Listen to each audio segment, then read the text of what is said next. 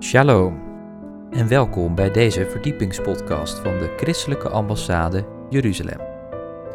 Mijn naam is Joshua Beukers en samen met Bijbelleraar Jacob Kerstra gaan wij weer een verdieping zoeken in de Hebreeuwse wortels van ons christelijk geloof. In aflevering 175 gaan we het hebben over het derde en laatste deel van deze Bijbelserie Landsbelofte aan Israël. Wilt u deze beelden terugzien? Bekijk dan ons YouTube-kanaal. We wensen u veel luisterplezier. 1947. Nou, in 1917 hadden we de slot van de Eerste Wereldoorlog. Kregen we de Balfour-declaratie en het Britse mandaat, dat uh, het hele Britse mandaat voor Israël zou zijn. 1918. In 1922 heeft Churchill twee derde weggegeven aan een emir uit Saudi-Arabië. Dat heette Transjordanië en is later Jordanië geworden. En in 1947 hebben de Volkerenbond, later dus de Verenigde Naties, toegestaan dat het Britse mandaat thuisland zou worden voor de Joden. En er moest ook nog een deel voor, voor de Arabieren. Nou, de Arabieren of Palestijnen hebben dat nooit erkend. Maar Israël nam genoegen met slechts een derde van een derde. Dus minimaal. En we weten dat Israël ook vijf of zes oorlogen gehad heeft. Dat de tegenstand wou hen iedere keer de zee indrijven. Maar iedere keer kwam Israël daar als overwinnaar uit naar voren en is de landgrens opgeschoven. Dus ik zou gewoon geen oorlog met Israël uh, beginnen, want dan ben je weer het land kwijt. En wat er nu allemaal gebeurt met Syrië en de Bijbel zegt, Damascus zal een keer verwoest worden. Nou, daar zijn ze nu hard mee bezig. We weten de belofte van God dat van de rivier van Egypte, dat is niet de Nijl, maar uh, in de Sinai, tot aan de Eufraat toe, zal voor zijn. Dat is dus ook het gebied wat vroeger door koning David en koning Salomo tot koninkrijk was. Zo zal het worden. En God belooft aan zijn volk, ik zal jullie stellen tot een hoofd der volkeren en niet tot een staat. Maar in de hele geschiedenis is Israël eerder tot een staat, tot een voetveeg geweest, dan tot een hoofdenvolkeren. Maar God gaat die beloftes invullen. Want zoals David regeerde over een groot, jongens, koning David in Psalm 18, 18, 18 met Hebreeuwse oren staat Gai.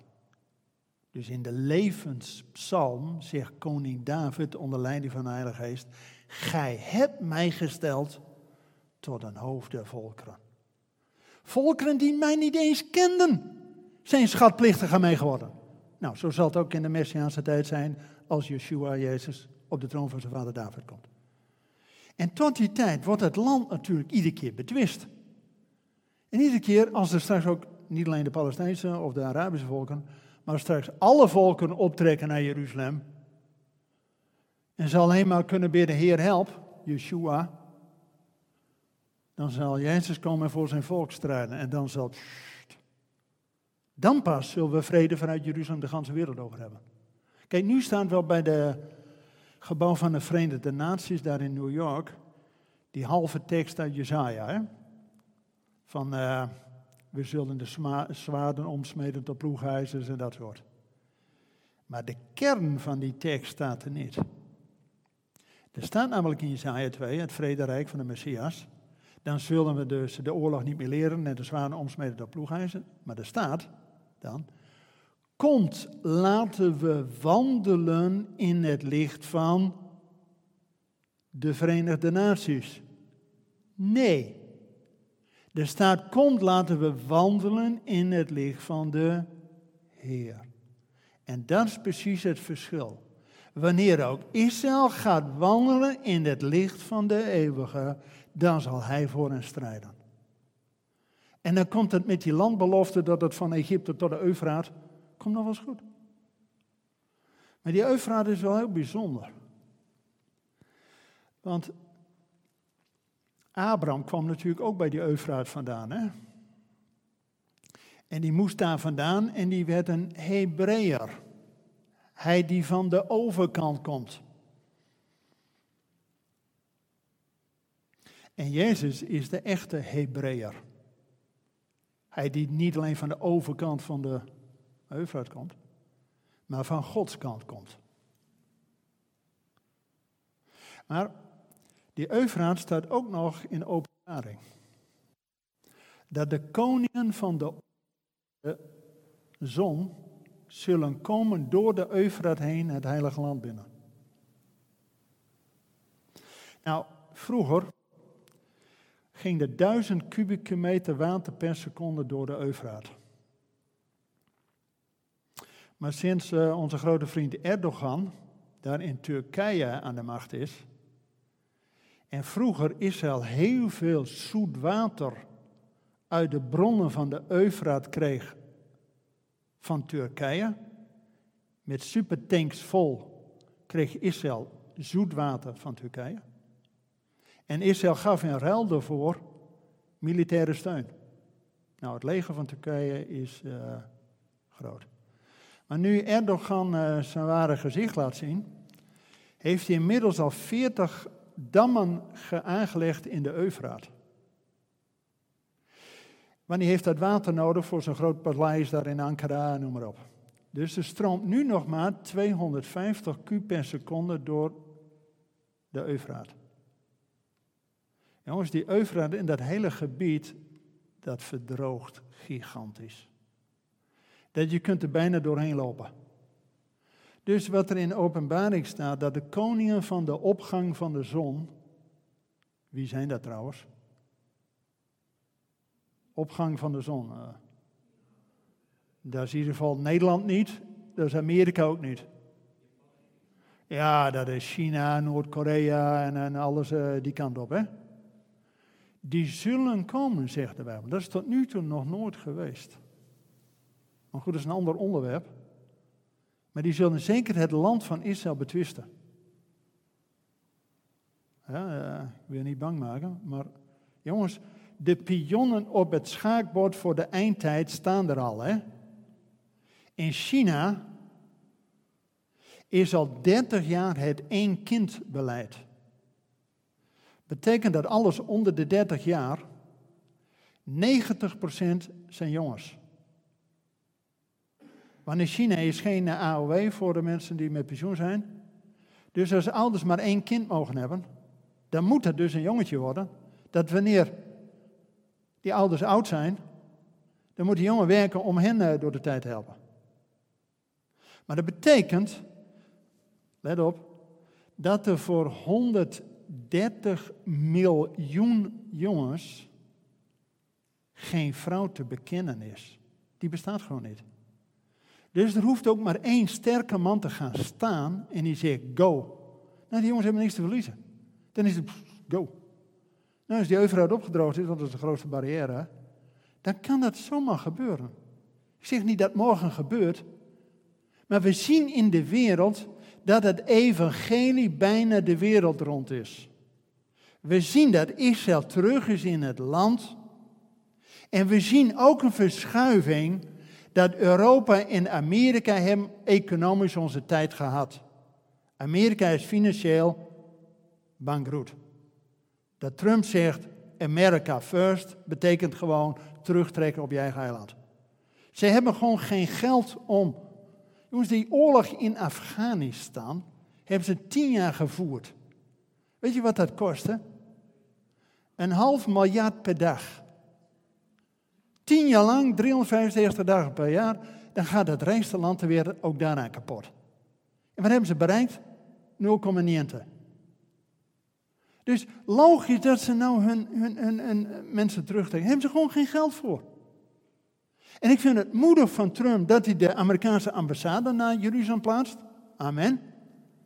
Maar dan moet je niet al je soldaten uit het Midden-Oosten wegtrekken. Dat moet je nog een paar jaar daar laten eh, gebeuren. Jongens, er gebeuren spannende dingen.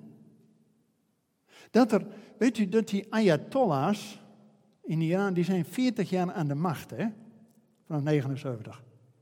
Nou, nu met half december ging die hele Ayatollah Club, die ging naar Wuhan in China.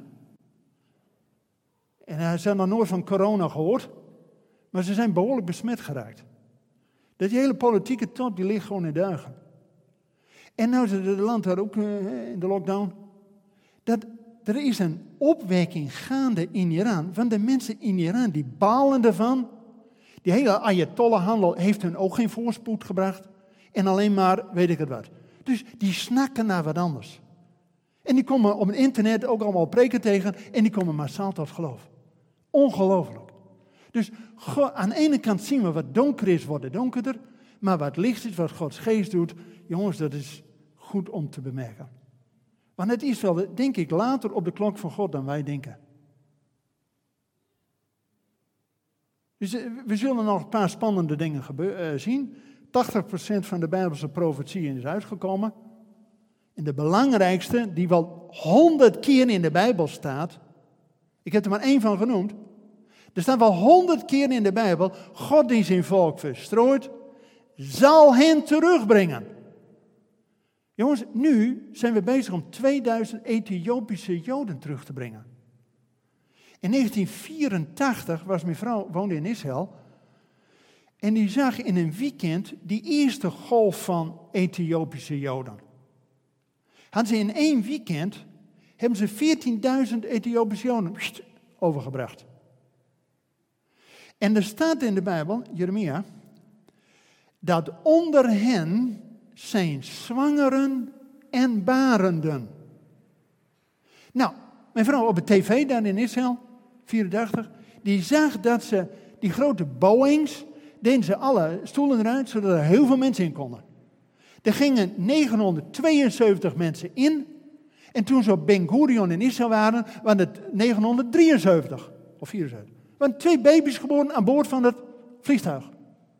Hoe letterlijk je de Bijbel lezen dat vreemdelingen zullen hen helpen, op de hun schouders zullen wij hen dragen en onder hen zwangeren en barenden. Wauw. Jongens, de Bijbel is zo exact. En 80% is al uitgekomen bij de eerste komst van de Messias. Die 20% heeft alles te maken met de wederkomst. En daar is het landbelofte van Israël een heel belangrijk in. Want als Jezus zegt tegen Jeruzalem, hoofdstad van een koninkrijk, en die discipelen dat koninkrijk over Israël verwachten, en de profetieën over Jezus nog steeds uitstaan, hij zal op de troon van zijn vader David zitten. En hij zal koning zijn van Israël. Jongens, boven het kruis stond al hij, koning de Joden. En als hij terugkomt, hoe herkennen ze hem? Hoe herkenden de Emmausgangers bij het breken van het brood? Zij zullen hem herkennen en zien wie zij doorstoken hebben. Wauw. Oh, ongelooflijk. Jongens, ik denk dat de Heer spoedig terugkomt. Welke dag weten we niet. Weet zelfs Jezus ook niet, hè? Dat weet alleen de Vader. Die het koningschap aan zijn zoon geeft, zodat hij zijn koningschap hier op aarde kan uitoefenen. Daarom moet hij naar de hemel om van de allerhoogste autoriteit die bevoegdheid te krijgen. En hoe krijgt hij zijn bevoegdheid? Doordat hij zijn bloed als offer voor Israël en voor ons gegeven heeft bij de troon van God. Snap je? Daarom moest hij ook niet in die aardse tempel, maar moest hij, zegt Hebreeën, dat hij de hemel is doorgegaan en zijn eigen bloed voor de troon van de Vader heeft gestort. Dat is zijn hoge priesterschap, zodat God hem die koningschap kan geven. Wauw. Amen. Jongens, zullen we gewoon gaan bidden? Ik denk dat het belangrijker is dan nog meer vragen. Hoe laat is het trouwens? Ja. Zullen we gewoon een tijd van gebed hebben? Maar dat is toch het uitzien wat wij hebben als gelovigen. Jongens, het zal donker worden in de wereld. En er zal misschien na corona, we krijgen, de Bijbel we krijgen een hoop weeën en, en, en ellende. Hè? Maar een volk die zijn God kent, zegt Daniel, zal sterk zijn in grote daden. Van de week mag ik uh, preken over uh, de Jordaan oversteken. Weet je, wij hebben als gelovigen in de kerk, wij zitten vaak nog een beetje in de oase van de woestijn. God voorziet. In die woestijn was het prima toeven, hè? Je hoeft je tent maar open te doen en laat het manna, jongen. En s'avonds nog een kwarteltje erbij. Je, je kleren waren niet uh, versleten, je voeten waren niet gezwollen. Het leven in die woestijn was gek nog niet. Je hoeft er niet aan te vallen. Prima, God voorzag. Maar God wil na 40 jaar dat ze het beloofde land ingaan. Maar zodra ze het beloofde land ingaan, dus de visie die God heeft, maar dat betekent dat manna er niet meer was. Dus moesten ze zelf weer zaaien en oogsten. Zelf weer kleren maken. Maar wel het land in, landbelofte. Maar heel veel gaan het land niet in. En ook voor ons als gelovigen, weet u, ze vierden in het beloofde land het Loofhuttenfeest. Wij kennen als christelijke kerk, wij kennen Pasen, we kennen Pinksteren. En Pasen is natuurlijk de uittocht van Israël, maar ook opstandingen, dood en opstanding van Jezus. Dus Pasen wordt nog wel gevierd. Feest van de Zoon. Pinksteren, dat God zijn geest geeft. En er zijn tien geboden. Huwelijkscontract tussen God en zijn volk. En dat God ook zijn geest geeft, Pinksteren, vieren we ook.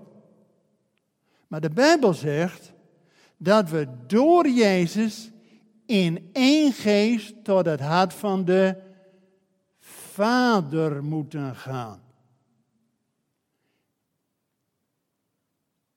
Alleen wij missen het feest van de Vader. Wij blijven bij de deur hangen. En Jezus is de deur tot de Vader. Wij moeten eens een keer leren beloofde land in te gaan. Tot de Vader te komen. En Jezus, het feest van Jezus is het paasfeest.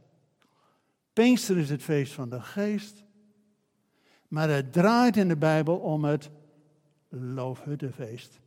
Dat is een grote intochtswezen, een grote inzameling van alle volken, waarin de maaltijd is hier en de bruiloft van de lam. Jongens, openbaring 19 is loofhuttenfeest. Feest van de Vader. Want de Vader bepaalt wanneer de Zoon zijn bruiloft viert. Maar dat betekent dat wij als gelovigen ook eens een keer dat loofhuttenfeest moeten vieren. En dat komt, gaat gebeuren. Of als je dat nou leuk vindt of niet, Zachariah 14. Eenmaal zullen alle volken optrekken naar Jeruzalem om het loofhuttenfeest te vieren. Andere jaren gaan we er met 7000 christenen naartoe. Dit jaar kon dat niet. Maar je hoeft maar één camera in Jeruzalem uh, de boel op te nemen. En het Loofhuttenfeest is digitaal uitgezonden en meer dan 100.000 mensen wereldwijd gezien. Dus dan komt het in je huiskamer. Zodat wij opgewekt worden om eenmaal. Jongens, de Bijbel zegt het. En alles wat we hier doen is thuis lopen voor de eeuwigheid. Maar goed, nou ga ik herhalen. We gaan uh, bidden. Vindt u het goed? Zullen we tijd uh, nemen? Vader in de hemel, dank u wel dat het openen van uw woord verspreid ligt. Vader, we hebben zo de werking en de doorwerking en de inwoning van de Heilige Geest nodig om te weten waarop het aankomt. Heer, dat uw woord ook gaat leven voor ons. Heer, al die beloften zijn ja en amen in de Messias. Dat wij door geloven in Jezus zijn we kinderen van Abraham en delen in die beloften. Heer, en al die verbonden zijn met Israël gesloten een hele belangrijke is van het land. Heer, nu Israël voor de derde en laatste keer terug is in het land, dat u de hut van David gaat herstellen. Heer, u zult hen planten en er niet weer uitdrukken. Heer, we bidden dat u niet alleen Israël terugbrengt in het land, maar dat u ook uw geest over hen geeft. Zodat wij samen met Israël zeggen, gezegend hij die komt in de naam des Heren. En Vader, dat ook ons hart voorbereid is. Heer, dat we nu in de coronasituatie ja, stilgezet worden, dat u ons doet inkeren tot onszelf, tot de beloften die we van u krijgen. Heer, dat we ook uitstappen in het geloof. Dat we werkelijk ook die beloften die u geeft gaan aannemen. Beloofde land in gaan nemen. Vader, en u wilt ook dat wij een lichtend licht en een zoutend zout zijn. Heer, ook in deze adventtijd dat wij ook het licht de wereld mogen uitstralen. Vader, en dat u mensen op ons pad geeft. En bovenal dat we verbonden zijn met uw volk en uitzien naar het grote licht, de morgenster uit de wortel van David. Heer, we zien uit naar die grote dag, dat Jezus zijn voet zet op de Olijfberg. En dat we de maaltijd des Heeren en de bruiloft van het lam zullen vieren. Met belegen wijn en vette spijzen voor alle volkeren. Dank u wel dat wij in dat heil mogen delen. Zegent u ons, Heer, en dat u de naprediker bent in ons hart. Glorie voor u, Jezus. Amen. Bedankt voor het luisteren naar deze verdiepingspodcast van de ICEJ. Waardeert u onze podcast? Steun ons dan. Dat kunt u doen door een donatie of door deze podcast te delen met uw vrienden of familie. Meer informatie hierover vindt u op icej.nl. Volgende week volgt er uiteraard weer een nieuwe aflevering van deze verdiepingspodcast. Luistert u weer met ons mee? Ik hoop van wel. Bedankt voor het luisteren en tot volgende week.